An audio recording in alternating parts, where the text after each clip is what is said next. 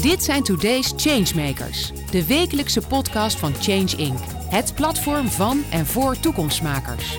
Iedere week gaat Paul van Liemt in gesprek met de mensen die vandaag al grote stappen zetten. Ze zijn open, niet bang, ze innoveren, ze voegen daad bij woord. Verandering als businessmodel. Ben jij dat? Dan zit je bij ons aan tafel. Hugo Hoepemans is directeur van de coalitie Anders Reizen, een stichting die streeft naar een duurzame zakelijke mobiliteit. Hij richt zich met het initiatief op een schoner en gezonder Nederland, waarbij het halveren van CO2-uitstoot en mobiliteit van werknemers het allergrootste doel is. Welkom Hugo. Dank. Nou ja, dat is uh, een stevige ambitie, maar dat is ook prettig. Hè? We willen hier ook graag in de Changemakers uh, edities altijd mensen een stevige ambitie hebben. Dat ben jij. Nou, er zijn nog heel veel, misschien wel misverstanden, dingen die echt opgehelderd moeten worden. Wat is anders reizen precies? Ga je allemaal vertellen. Maar we beginnen altijd met de duurzame nieuws. Wat is je opgevallen? Nou, mij zijn eigenlijk twee dingen opgevallen. Eén, uh, één ding waar ik echt van moet huilen. Dus, nee, toch, wacht ja, even. Dat is echt het, het erge. Ik pak zakdoek erbij, ja. Ja, en dat is een, en de grens van Rusland wordt het uh, afgeknepen gas verbrand. En uh, wat het exacte verhaal daarbij is, weten ja. we allemaal nog niet. Maar daar word ik wel, uh, word ik wel verdrietig van. nou, dat kun je inderdaad wel zeggen. Ja. Dat is zeker nu in deze tijd, dat is wel een heel, heel cynisch bericht. Ja, en, en daar staat tegenover het, het bericht van dat ik, dat ik zie dat er in Duitsland de positieve effecten van het klimaatticket. Dat in Duitsland kon je voor 9 euro gedurende drie maanden gratis met de trein of voor 9 euro met de trein. En dat, dat heel veel mensen, eh, 22% van mensen die nog nooit in een trein hebben gezeten, over heeft gehaald om een keer een uh, treinreis te maken. En daar word ik wel heel positief ja, gestemd. Dat, is een, dat laatste vind ik wel heel interessant. Daar heb ik ook, er zijn een beetje gemengde gevoelens over. Maar dat, dat laatste klopt er natuurlijk. Hè, want hoe kijken mensen tegenaan? Is het bevallen? Maar tegelijkertijd werd er ook gezegd, wacht even. Die treinen zaten overvol. Uh, ten tweede, het is niet vol te houden. Het is enorm duur als je dat ook bijvoorbeeld in Nederland zou doen. Dus is dit een initiatief waarvan je zegt, nou dan kun je af en toe de zomermaanden herhalen? Of zou je dit, uh, is het voor herhaling vatbaar en, en uit te breiden? Nou, voor, voor mij is de, de vraag, want natuurlijk het heeft heel veel aspecten. De, de, ik had een LinkedIn poster op gedaan en dan krijg je heel veel vragen over, ja, maar uh, heeft minder autoverkeer tot gevolg gehad? En een hele discussie. Voor mij gaat het over wat heeft prijsprikkel voor een effect. En ik heb een aantal jaren geleden namens Anders Reis en de mobiliteitstafel gezeten van het Klimaatakkoord. En toen zei het PBL, het is onmogelijk dat mensen van de auto overstappen op de trein. En ik vind het... PBL nog even het, het Planbureau voor de Leefomgeving. En die maken alle berekeningen voor de overheid en ook investeringen. En ik, ik voor, je maakt een goed, goed punt over, ja, maar het moet ook, de treinen moeten voldoende capaciteit hebben. En dat is ook al wat, uh, waar we het zo meteen over gaan hebben met de coalitie Anders Reizen. Je stuurt heel veel vraag naar duurzame mobiliteit, maar het aanbod moet er wel klaar voor zijn. Dus, um, nee, je moet niet hutje mutje in die trein zitten, want dan denk ik, het doe nooit meer. Nee, Toch dat, maar de auto. Tegelijk is er ook het action effect. Hè? Als je daar een lampje koopt voor 1 euro, dan is je verwachting van die 1 euro ook minder dan als je een lamp van 10 euro koopt uh, bij de praxis. Ja, nou is het wel leuk dat je het PBL even noemt, het Planbureau voor de Leefbaarheid. Want inderdaad, die hebben het wel over gedragsverandering. En daar hebben ze gelijk in. Gedragsverandering, dat weten we allemaal, dat is een van de allermoeilijkste zaken. Dat, dat lukt bijna niet meer, zeker niet op een bepaalde leeftijd.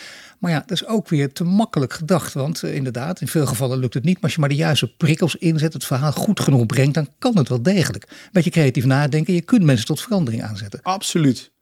Absoluut. En dat is ook het belangrijkste wat we binnen de coalitie Anders Reizen eh, eh, als eh, gemeenschappelijk gedachtegoed is. Hoe kunnen we het gedrag van medewerkers beïnvloeden? Hoe kunnen we mensen verleiden tot duurzame reizen? Daar gaat het in de, in de basis om. Nou heb je een paar keer genoemd, hè? de kar afgekort. Ook dat nog. Coalitie Anders Reizen, dat weten we. gaan dadelijk vertellen wat het is. Maar eh, er moet toch één ding bij. Je hebt ook een achtergrond bij de NS. NS en duurzaamheid, die combinatie, moeizame combinatie, heb je ook hard aan getrokken. Ik dacht wel een beetje, we praten toevallig ook op de dag, hè, dat, dat de hele uh, NS, de, de, hele spoorwegen plat liggen vanwege de staking.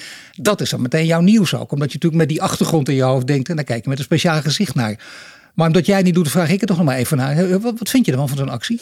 Nou, ik, uh, uh, iedereen heeft recht op zijn, uh, op zijn eigen inkomen en, en een goed betaald salaris. En in Nederland mag je ook staken. Automatische het, prijscompensatie? Nou, ik, ik, ik, ehm, ik, laat me daar even wat minder over uit van wat, wat we precies moeten compenseren in deze gekke tijden.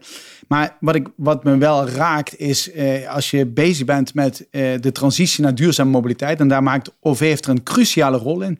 Is natuurlijk pijnlijk om te zien zien dat, uh, dat, dat, dat je niet met OV kunt reizen vandaag. Ja, dat is inderdaad heel pijnlijk. En dat is ook niet echt. Dat is altijd een lastige afweging ook natuurlijk. Dus altijd je gaat staken. Want uh, je hebt er redenen voor om dat te doen. En je wil meer geld. En je denkt, nou, je hebt een goede, een andere reden ook voor trouwens. Het gaat niet alleen om geld. Aan de andere kant, je raakt altijd de reiziger. En de reiziger denkt zeker in deze tijd, kom op, ik ben hiervan afhankelijk. En roepen ook trouwens meteen. En dan krijg je enorme files op de weg. Maar dat valt mee, hè? De ja, files. heel interessant. Mensen passen zich onmiddellijk aan. Dat is echt interessant. Hoe, hoe verklaar je dat? Ja, ik denk dat uh, de, de effecten die wij hebben bereikt met elkaar. Of de, de corona-learnings om uh, meer ja. thuis te werken. Ehm, uh, dit is wel de winst. Ik bedoel, als je dit uh, vijf jaar geleden had gehad, had je een uh, verkeersinfarct gehad. Ja, dat klopt. En, uh, ja. dus, dus dat is heel mooi. En tegelijk zie je ook dat daar de kwetsbaarheid, of de, de, de OV heeft dominant, de, de, de mensen die met OV reizen, ook dominant, die kunnen kiezen voor thuiswerken of, of op kantoor werken. Daar, daar zit, zit dus een flexibiliteit die heel goed is. Maar de mensen die echt afhankelijk zijn en die naar het kantoor moeten komen, die hebben het wel, dat is een sneu verhaal vandaag. Ja, dat kun je inderdaad wel zeggen. Ja, dat wil je ook niet. Hè. Die mensen die willen de toekomst ook daar iets meer zekerheid. Ik zou bijna bij alles wat je zegt, zeg je eigenlijk bij in deze tijd. Want er zijn al zoveel uh, crisis en je wil dit er niet bij hebben. Nu heb je uh, de coalitie Anders Reizen een paar keer genoemd. Maar we weten nog steeds niet precies wat het is. Dat wil zeggen, niet iedereen die ik nu op straat aantik, die zegt uh, coalitie Anders Reizen, weet je wat het is. Ja. Dan mag jij hem even keurig uitleggen. Ja, um, dus E-, even een stapje terug, hè, want mobiliteit, wat is dat eigenlijk? Eh, een kwart van alle CO2 in Nederland komt door mobiliteit. En als je dat analyseert, zie je dat meer dan de helft van alle personenverkeer over het weg de verantwoordelijkheid is van een werkgever. En voorheen was mobiliteit van niemand. Je had de NS en je had, de, je had Rijkswaterstaat, maar naar wie moest je kijken? En toen we die, die analyse maakten, toen dachten we, hé, hey, ja. wacht even, die werkgevers hebben dus een hele grote rol. Dus als die nou Ehm, ehm, beleid maken, mensen verleiden tot ander gedrag, dan hebben we een belangrijke knop in handen. Ja, kwart van alle CO2, zo is goed om dat te zeggen, want dat is enorm veel inderdaad. Je zegt ook een belangrijk woord gebruik, je verleiden. Dat is, uiteindelijk is dat toch de crux. Er wordt ook heel lang over nagedacht, maar dat werkt altijd beter en is sympathieker natuurlijk. Absoluut, absoluut. En de coalitie Anders Reizen is begonnen met twaalf bedrijven. Eh, NS, ministerie van INW, eh, Natuur en Milieu als NGO en VNO-NCW. En die hebben de handen naar elkaar geslagen en gezegd: laten we eens kijken wat, we, wat wij zelf kunnen doen. Niet kijken naar de overheid, wat kunnen we zelf doen?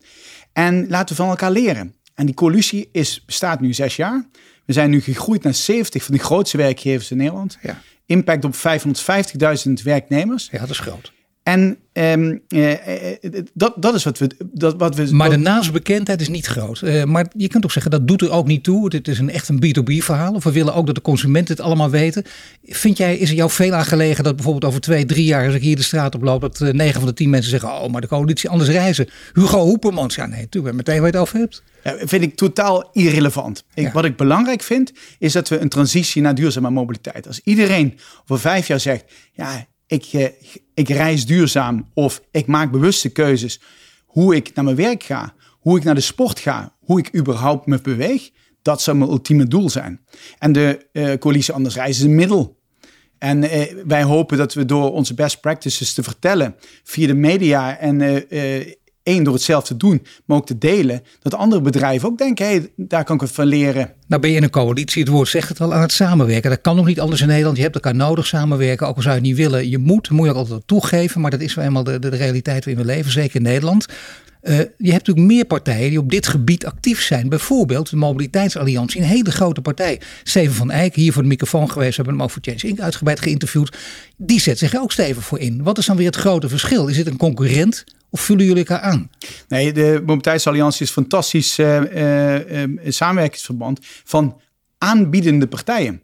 En dat, dat brengt heel veel, met name ook voor de overheid, om te zeggen van uh, uh, waar moeten we in investeren als de aanbiedende partijen daar de handen voor in elkaar kunnen Voor de duidelijkheid, NS en Schiphol, hè, om eens twee hele grote te noemen, zitten daarin. Zitten daarin, de Fietsersbond zit er ook in en ja. de, de RAI en de BOVAG zit er ook in. Ja.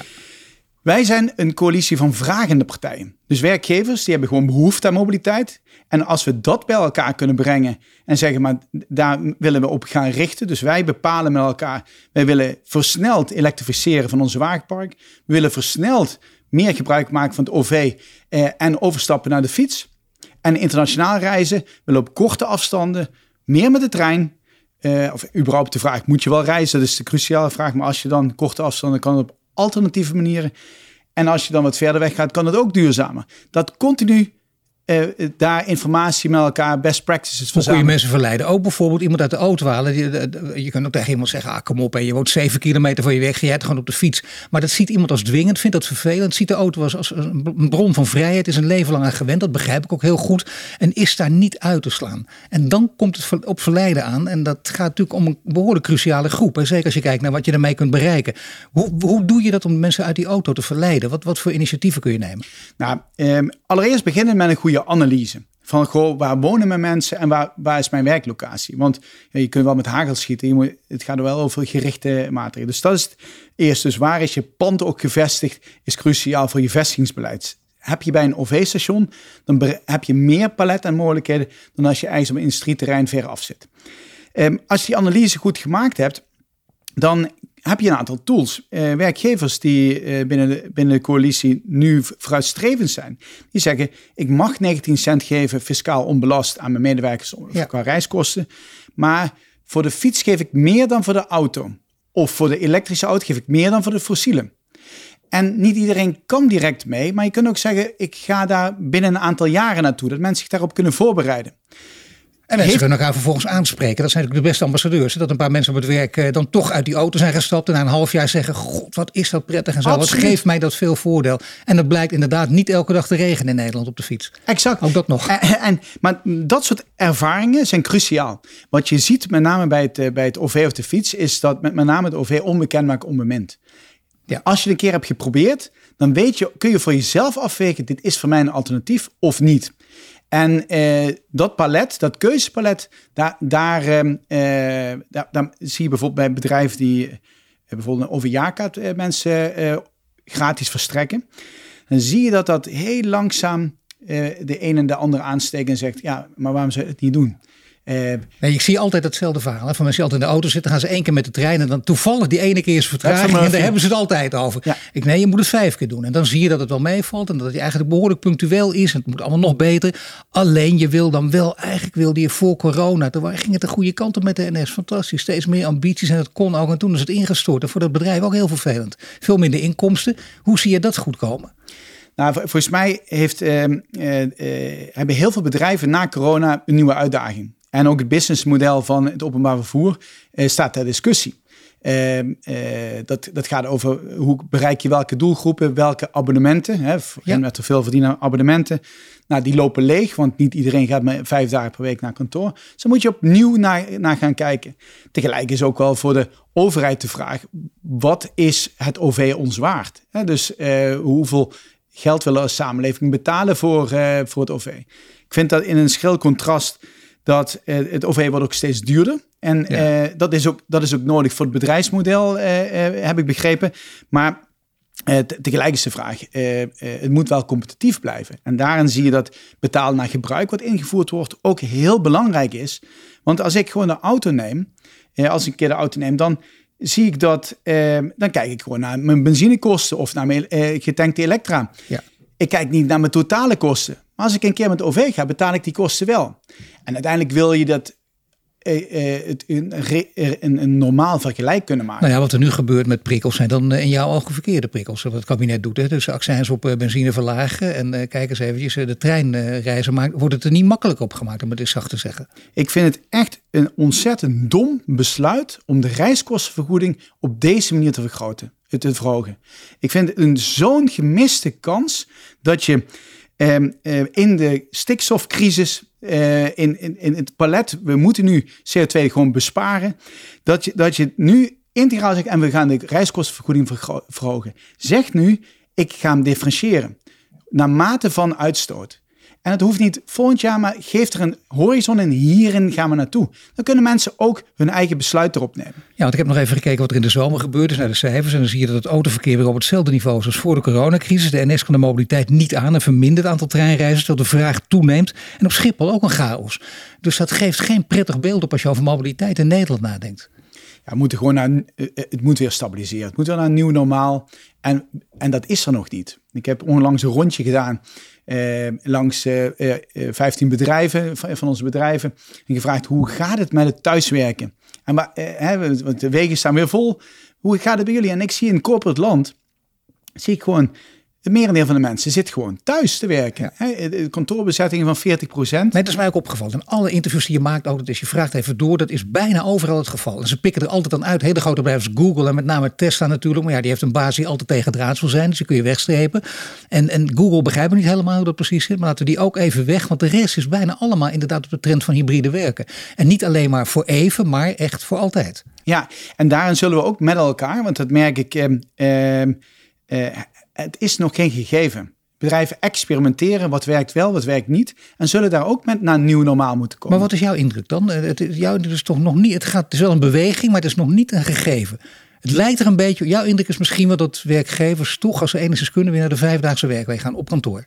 Nee, dat absoluut niet. Ik, ik denk dat dat geen enkele werknemer meer wil. Uh, wat ik wel zie is dat het samenspel uh, in teams, dat, dat het team centraal staat en niet het individu die zegt, ja, mij komt het de woensdagmiddag niet uit. Dat daar een, nieuwe balans in gezocht moet worden. Nou ja, dat je toch ook een beetje kijkt natuurlijk wel naar eh, wie heeft er wel of geen behoefte aan. Als je wat langer daar werkzaam bent, dan vind je het prettig. En je woont ruim bijvoorbeeld, dan, dan vind je het lekker om thuis te werken. Als, je, als je jong bent, je woont minder ruim. Bovendien, je hebt dan ook de contacten nodig. Je moet alles nog leren, dan is het prettig. Dat weten we inmiddels ook allemaal. Niet alleen uit, uit gesprekken die we voeren, maar uit onderzoek. Dus dat soort verschillen moet je ook in acht nemen. Ja, en mensen die reistijd hebben, vinden het fijner om uh, meer thuis te werken dan mensen die dichtbij wonen. Dus daar zitten, en laten we wel wezen, uh, ik, ik hou mijn hart een beetje vast. En ook een, ook een kans voor het najaar. Want bedrijven, eh, eh, we zeggen thuis, of eh, iedereen heeft, voelt zich senang bij, bij deze manier van, van, van thuiswerken. Maar als de energietarieven zo blijven stijgen en je huis is redelijk lek qua, qua isolatie, dan wordt het een dure winter. En wat betekent dat dan voor, gaan de mensen dan weer massaal naar kantoor om, die, om eh, verkeerde redenen. Ja, om geld uit te sparen, dat is ook te gek. Ja. En welke rol hebben werkgevers daar dan meer in? Wat ja, dat kunnen we dat zegt, ja, want dat is een goede. Wat voor rol zou dat kunnen zijn? Want dit zie je, er zijn veel dingen, regreers vooruitzien. Dat zou je nu niet zeggen, want het uh, gebeurt even niet. Maar in dit geval wel. Wat zou je kunnen doen als werkgever? Nou, wat, wat wij merken is, uh, je, uh, we merken als coalitie ook dat we, dat we steeds verbreden. Van, ja, als je dat ene, als je thuiswerken dus minder mobiliteit wil faciliteren, moet je andere dingen ook regelen. En dat betekent dat uh, die tweede thuiswerkplek, die is fiscaal, zeg maar. Je kunt een bureau neerzetten en, uh, en, en, en, en, een laptop verstrekken. Maar wil je daar verder in gaan als werkgever, dan zijn werkgevers, hè, bijvoorbeeld een Achmea, de Volksbank, ABN AMRO, die zeggen je krijgt een klimaatbudget. Je kunt ook zonnepanelen van je werkkostenregeling budget benutten. Ja. En dus je ziet bedrijven meer verantwoordelijkheid pakken om ook die privé-situatie van mensen, dat, dat die tweede werkplek eigenlijk, om die eh, ook te verduurzamen. Daar, ik moet wel zeggen dat die mogelijkheden heel beperkt zijn. ik wou net zeggen, want dat, is, uh, dat, dat gaat niet lukken allemaal voor het najaar. Nee, maar de mogelijkheden ook beperkt zijn in fiscale zin. Dus uh, wat kun je als werkgever daarin doen? Uh, dus daar zit ook echt een oproep richting, richting Rijksoverheid. Werkgevers willen hierin een rol pakken. Maar laten we wel eens met elkaar het gesprek hebben over. Nou, als gesprek ruimte... hebben, ik bedoel, we zien dat ze niet zo makkelijk vooruitkijken. En dat ze het daar vaak eh, pas gaan oplossen als het eenmaal zover is. Nu zie je dit aankomen. Dat is ja. binnen twee maanden, daar moet je dus nu al stappen ondernemen. Absoluut. Absoluut. Dus niet nu gesprekken gaan voeren. Ik hoop dat het zal gaande zijn, toch? Ja, ja ik, eh, wij hebben het ingebracht in het, in het uitvoeringsoverleg van het klimaatakkoord. Uh, dat dit echt een cruciaal moment is om nu daarop door te pakken. Uh, uh, ik hoop dat het kabinet hier uh, dit met twee handen aangrijpt. Nu gaat het steeds, Hugo, in dit gesprek over de coalitie anders reizen en we, we, we. Maar wie zijn, wat zijn, je kan ze allemaal noemen, wat zijn de belangrijke partijen en welke zou je er graag nog bij willen bij de coalitie anders reizen? Nou, de belangrijke partijen, we hebben 70 leden en ze zijn allemaal even belangrijk. En ehm, de ene loopt verder voorop dan de ander. Maar noemen ze een paar grote. Eh, van ABN AMRO, Shell, uh, Vodafone Ziggo, uh, NS, uh, ja, Roy Laskoning DRV. Dus heel breed palet. En Schiphol? Schiphol, Philips. Ehm, dus het zijn eigenlijk alle grote bedrijven in Nederland ja. die je kunt voorstellen. Die zijn er nog een paar, vind ik, die moeten we even nog over de streep trekken. Nou, Misschien door dit gesprek. Nou, ik zou het heel fijn vinden om meer ook in industrie ehm, eh, en in ziekenhuis en, en onderwijs daarbij. Dus een ASML, ja. een, de, de, grote ziekenhuizen en ook grote werkgevers. Tata Steel. Tata Steel zou mooi zijn. Dus, en waarom zou het mooi zijn? Omdat die ook wel andere medewerkersgroepen vertegenwoordigen en die ook andere problematieken daarin hebben. Ja, zorg en onderwijs, hoe komt dat dat die ondervertegenwoordigd zijn? Ehm, ja, eh, ik heb het idee dat het eh, minder op de agenda staat. Dus, uh, nou ja, en het onderwijs is natuurlijk wel vrij lastig ook natuurlijk. Je kunt niet alleen maar op afstand onderwijs gaan geven. Dan is toch wel heel belangrijk uit onderzoek gebleken dat je wel bij elkaar komt, zeker op een bepaalde leeftijd. Dus daar is het wat lastig. In de zorg geldt dat ook. Dat, dat speelt het. Denken zij ook wat minder, maar ook daar is natuurlijk wel winst te behalen. Overal is winst te behalen. En winst behalen in vormen van kostenbesparing, in de vorm van CO2-besparing, maar ook aantrekkelijk werkgeverschap. Ik zie zoveel werkgevers in Nederland die nog met oude arrangementen werken voor werknemers. En de werknemers hebben gewoon behoefte aan meer flexibiliteit, meer keuzevrijheid. En dat en vaak ook de mogelijkheden aanbieden. Hè? Want mensen ja. vaak niet eens aan denken ook. Maar je moet ze even wakker schudden, dat begrijp ik ook. Je hebt veel in je kop, maar dan denk je, oh, dat wist ik niet, maar het kan wel. Ja, en, en dat is één kant. Maar het tweede is ook de fysieke omgeving. Als je bij een bedrijf aankomt rijden, eh, op je fiets, waar mag je hem zetten? In de fietskelder beneden eh, drie, drie, drie laag onder? of mag je hem naast de deur zetten? Ja. Eh, waar, waar, hoe ziet die fysieke omgeving er ook uit? En dat, eh, daar zitten ook nog grote uitdagingen. Ja, nee, zeker. Dat kun je wel zeggen. Ja, de fiets belangrijker maken, dat helpt allemaal. Dat lijken kleine stapjes, maar dat weet ik uit ervaring, dat is heel groot. Nu heb je wel te maken, dat zei ik al, daar heeft, heeft, iedereen mee te maken in dit land, met, met, met polderen, met overleg voeren. Ook al willen we niet, we willen ons gelijk halen. Maar we moeten overleggen, we moeten ook wat toegeven af en toe. Maar wat kun jij voor elkaar krijgen? Ik zie ook veel brancheverenigingen met prachtige ideeën. Maar ja, door de verschillende partijen die, die bij vertegenwoordigd zijn, die denken het zal wel die branchevereniging leuk dat die bestaat. Maar ik laat er mijn oren niet naar hangen. Wat voor invloed, echte letterlijke invloed, impact heb jij zelf? Ja, wij, werken niet met brancheverenigingen, omdat we werken alleen maar met werkgevers die zelf ook het verschil kunnen maken. Dat maakt echt iets uit, hoor. Dat maakt heel veel uit. En we gaan ook niet met de markt. Dus heel vaak worden benaderd de marktpartijen die zeggen, mogen we iets vertellen? We hebben een nieuwe oplossing. Bij ons geldt altijd, eerst het bedrijf het laten experimenteren. En het bedrijf vertelt, de werkgever vertelt wat hij heeft gedaan en welke impact het heeft gehad. Dus het maakt een cruciaal verschil. En nou, wij zien, eh, alles gaat bij ons om CO2-reductie. En wij zien dat uh, bedrijven zoals uh, Eneco, die heeft zijn 50% CO2-reductie uh, dit jaar behaald. En Vodafone Ziggo gaat er dit jaar ook komen. Dus er zijn bedrijven die... Nee, zeker. Maar heb jij een zekere macht als ze dat niet behalen? Kun je dan zeggen, luister eens eventjes, als je dat niet doet, dan ga ik voor elke microfoon roepen dat jij het niet behaald hebt. Nee, maar daar, daar geloof, van spreken. Ja, maar dat geloof, ik, ik geloof daar niet in. Ik geloof erin dat door de voorbeelden bedrijven die, uh, die uh, uh, dingen bereiken, te laten zien, te etaleren, um, dat dat veel grotere aantrekkingskracht heeft dan, dan uh, bashen. En wat we doen op een CEO-event bij ons, om, om, om, dan laten we wel even zien hoeveel CO2-reductie per bedrijf is. En dat is de, de meest besproken spannende plaat die we kunnen laten zien. Er staat een logo, er staat hoe je het doet, is het rood, geel of, of, of groen. En uh, dan gebeuren er dingen. Ja. Dus, dus dat is een andere instelling. Wat? Ja, dat is een andere instelling natuurlijk. Nee, kun je een paar dingen noemen die waarvan je zegt, nou daar ben ik echt trots op. We bestaan nu zes jaar, maar dat hebben we echt bereikt. En dat is heel mooi. Dat wil ik graag van de daken schreeuwen. Want dat, is, dat, ja, dat, dat kan mensen aanzetten tot nog meer actie. Nou, één, we, hebben met elkaar, hoe we werken is iedere keer, er zijn pareltjes en die, uh, die uh, de experimenten. Nou, vertel op, pareltjes. Op, uh, nou, ik heb twee pareltjes op. Pareltjes, een pareltje is bijvoorbeeld, wat ik vertelde, een, een ABN AMRO die iedereen een overjaarkaart geeft. En die hebben gezegd, maar de eerste twee maanden ben je verplicht om een overjaarkaart of een fiets te nemen. En daarna mag je kiezen voor een reiskostenvergoeding. En voorheen maakte 35% gebruik van, uh, van, die, van die regeling. Maar met dat het een verplichting was, probeer het, blijft 70% hangen. En niet hangen omdat, nee, omdat ze hebben het anders kan. Um, een een uh, bedrijf als Vodafone Ziggo, die, geeft, uh, die heeft gezegd, wij gaan op een aantrekkelijke locatie zitten. maar we, namelijk op een OV-locatie. Daar kan iedereen op een goede manier komen. Maar we gaan niet meer parkeren faciliteren. We geven iedereen een eerste klas overjaarkaart. En dan uh, uh, zie je dat mensen in het begin even uh, denken, oh, dat is wel heel ongemakkelijk en noem maar op. Maar op een gegeven moment zie je dat mensen dat omarmen. Maar weet je wat zo mooi is? Dat, ze, dat die bedrijven die dus durven en ondertussen, uh, werd er, vroeger werd er tegen gezegd, doe dat nou maar niet, want dan komen er geen mensen meer voor je werken. Dat wilden ze niet. Dat is afschrikwekkend. Maar dat is dus niet zo, zeker niet bij nieuwe generaties. Nee, de, de, de, de, de tijd is echt veranderd. En ik zeg wel, het is spannend, ook in deze tijd met uh, personeelstekorten.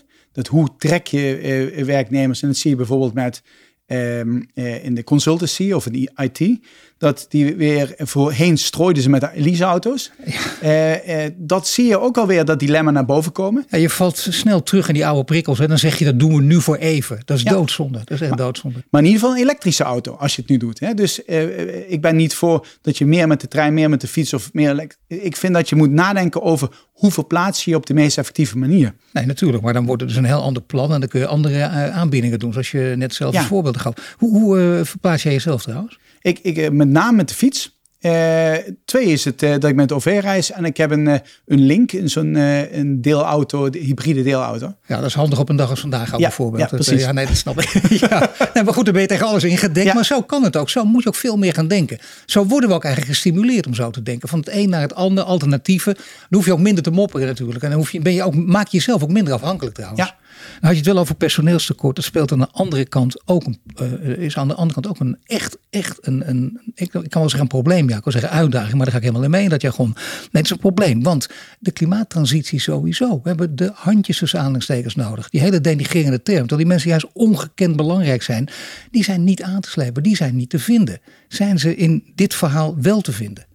Hoe bedoel je in dit verhaal? Nou ja, ik bedoel, als je het over mobiliteit hebt, dan heb je natuurlijk ook mensen nodig die uh, conducteurs in de trein. Wat dacht je daarvan? He, ja. dat, dat, iedereen die, die koopt een eerste klas kaartje, of dan heb je een eerste klas en dan zit iedereen met een tweede klas kaartje daar, die wordt niet weggestuurd. Om maar ja. te beginnen. Ja. Zo zijn er zoveel, er, er staat onrust is er in de trein. Heel vaak, dat wil je niet. Je wil je daar veilig voelen. Heb je ook conducteurs nodig. Machinisten die gewoon op tijd komen, die, die er ook zijn, die worden, nieuw worden opgeleid ook en die het een interessant vak vinden. Ja, ik, ik, denk dat het een groot maatschappelijk vraagstuk is. Hè, van, uh, van waar uh, willen mensen werken? He, ik, ik, denk überhaupt... Maar het valt wel op, als het over werk gaat, gaat het altijd wel over dit. Hè? Bij, bij Schiphol ook over de beveiligers. Het gaat niet over, kijk, dat management, uh, dat is makkelijk. Die kunnen allemaal aanslepen, al die mensen op kantoor. Ze zijn allemaal hartstikke slim. En ik bedoel, ik wil er niks aan ja. afdoen. Maar daar hebben we er genoeg van. Maar die ja. anderen hebben we er niet genoeg van. Ja, nou, volgens mij uh, uh, raak je een nee. Ik bedoel, hoort, hoort het ook bij, bij, bij jullie, bij, bij de coalitie? Nou, ik noem een voorbeeld in het kader van internationale reizen. Wij, wij uh, stimuleren dat bedrijven bijvoorbeeld in een straal van 700 kilometer met de trein gaan, als dat binnen de reistijd ook aantrekkelijk is. En bedrijven zetten dat in hun regeling. Zetten een regeling en die voeren dat door. En die stimuleren mensen om na te denken over hoe moet ik reizen en als ik reis op welke manier. Nou, dan kun je je boekingssysteem invoeren. Maar waar ik ook al een beetje geknepen billen bij heb, is uh, in welke tempo voeren wij dat door? Want als iedereen namelijk vanaf uh, volgende maand een regeling heeft staan naar Londen, gaan we allemaal met de trein. Maar er is geen aanbod, dan hebben we binnen een half jaar een probleem. En dan denken ja, het was, het was een leuk experiment. Precies. Dus wij zijn ook met de aanbieders in gesprek. In welk tijdspad ja, voeren jullie de, de, de frequentie uh, omhoog? En dan het voorkomen van het kip-ei-verhaal ja, dan moeten eerst meer mensen komen. Nee, wij willen een perspectief hebben waar we, hè, dat er vijf verbindingen per dag zijn, dan kunnen we daar ook uh, volume op creëren. Tuurlijk. Dus je kunt niet alleen maar, we uh, in het begin kon je nog zeggen als coalitie, goh, we, we, we, we, we experimenteren, we, we doen, de schaal wordt alleen zo groot nu dat je ook met het aanbod moet gaan praten over hoe doen we dit nou met elkaar perspectief bieden, dat klinkt ja. uh, erg belangrijk. Dat horen we ook bij dit kabinet, waar het vaak aan ontbreekt. Dat is precies wat mensen ook willen. Zeker in, in tijden waar je, waar je terecht ook heel zagrijnig over veel gebieden kunt worden.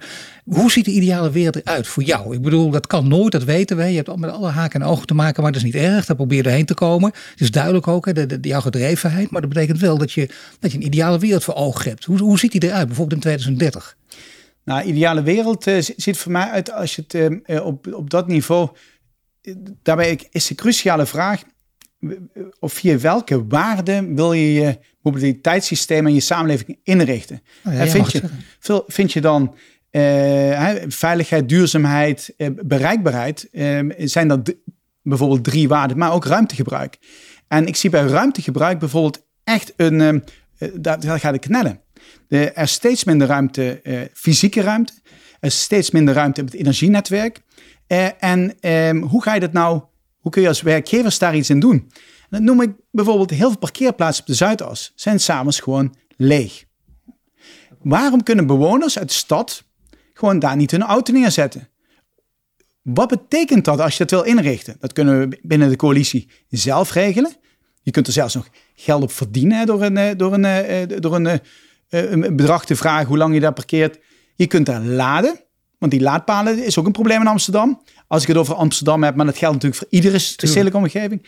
Dus kunnen we op een andere manier beter omgaan met onze assets. Ja, dat begrijp ik allemaal. Maar hoe zou die ideale wereld er dan uitzien? Jij mag het even plaatje schetsen. Stel dat alles lukt wat je wil. Hoe ziet het er in 2030 uit?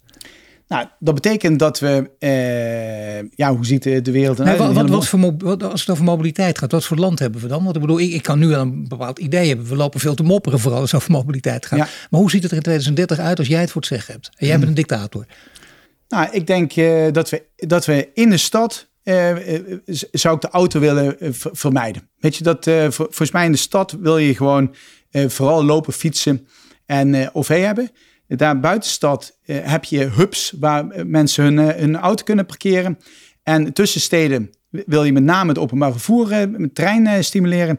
En in, het, in de, het rurale gebied, in het buitengebied, wil je, is de auto een, belangrijk alternatief. En ook meer bussen, meer elektrische fietsen bijvoorbeeld, of niet? bussen zou ik veel meer in willen zetten op daar waar vraag nodig is, in plaats van het huidige systeem. Dus als je, ASML is bijvoorbeeld een goed voorbeeld, die willen heel graag van een hub in Best naar Veldhoven en dan de bus over de vluchtstrook. Ja. Nou, je wil niet weten wat dat voor een traject is om dat te regelen. Ja. Maar als we dat voor elkaar kunnen krijgen, kun je het in heel Nederland uitrollen. En dan krijg je veel meer flexibele vormen van mobiliteit, collectief vervoer. En één ding, uh, ik zou gewoon alles wat fossiel is uit willen bannen. En dat in 2030. Weet je, en dat moet kunnen. Uh, uh, en versneld. Nou, ik zie het ook. Jammer dat mensen jou niet zien, want je kijkt er behoorlijk goed verbeterd bij. Van dit wil jij voor elkaar krijgen. Ja. Dit zijn echt behoorlijk ambities, heel groot. We kunnen nooit alles bespreken natuurlijk in die korte tijd, maar we hebben heel wat besproken. Ik zie vooral wat jouw grote ambitie is. Ik ben er veel meer in gaan geloven dan een half uur geleden. Ik dank je Hugo. Je luistert naar een podcast van Change Inc. Powered by onze partners Achmea, Albron, Ebbingen, Renewy en Vattenfall. Bedankt voor het luisteren naar de Today's Changemakers podcast. Een productie van Change Inc. gepresenteerd door Paul van Liemt.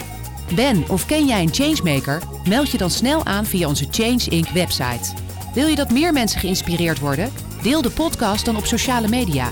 Wil je meer afleveringen luisteren? Volg ons dan nu via je Spotify, Apple Podcast of je favoriete podcast-app. En krijg een melding wanneer er een nieuwe aflevering online staat.